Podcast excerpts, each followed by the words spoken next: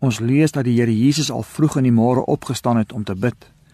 Soos ons die evangelies lees, sien ons dat elke dag in sy lewe 'n besige dag was. Hy het vir baie mense gepreek en hulle geleer. Dit was byna altyd buite in die wind en weer. Hy het baie van hulle gesond gemaak en dan ook nog die toesvrae van die fariseërs beantwoord. Hy het byna nooit geleentheid gevind om alleen te wees nie. So 'n tipe lewe moet uitputtend wees. Die geheim van sy lewe van vrugbaarheid was onder andere ook sy lewe van gebed. Hy het die krag van gebed geken. Sy disippels kon dit in sy lewe sien tot so 'n mate dat hulle gevra het dat hy hulle moet leer om te bid. Liewe luisteraar, daar is vandag nog krag in gebed. In Jakobus 5:17 lees ons dat die vurige gebed van 'n regverdige het groot krag. Dit is een van die wonderlikste ervarings om een van ons begeertes na hom toe te bring en dan te sien hoe hy daardie gebed beantwoord. George Miller was die man wat God gebruik het om kinderhuise op die been te bring. Hy was ook bekend as 'n man van gebed. Hy wou aan die mense van sy tyd wys dat die Here gebed kan beantwoord.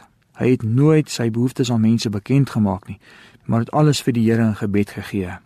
Die Here het hom altyd geëer deur sy gebede te beantwoord.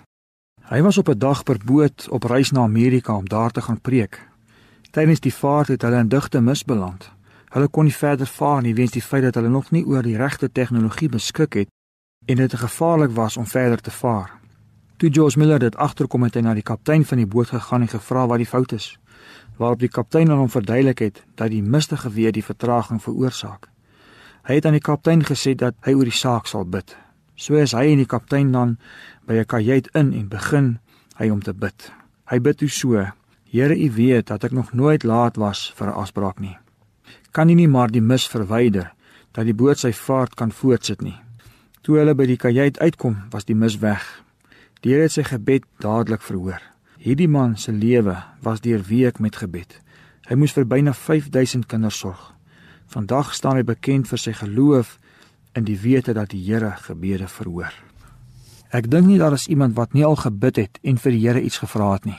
Baie mense word mismoedig nadat hulle 'n paar keer vir iets gebid het en die antwoord op daardie gebed nie gekom het nie. Deur Jesus vertel juis die gelykenis van die weduwee en die onregverdige regter met die oog daarop dat ons moet aanhou bid en nie moedeloos word nie. Hy weet ons is mense wat maklik moedeloos word. Ons is altyd haastig en wil ons antwoorde vinnig hê. My liewe luisteraar, die geheim van beantwoorde gebed lê in die binnekamer.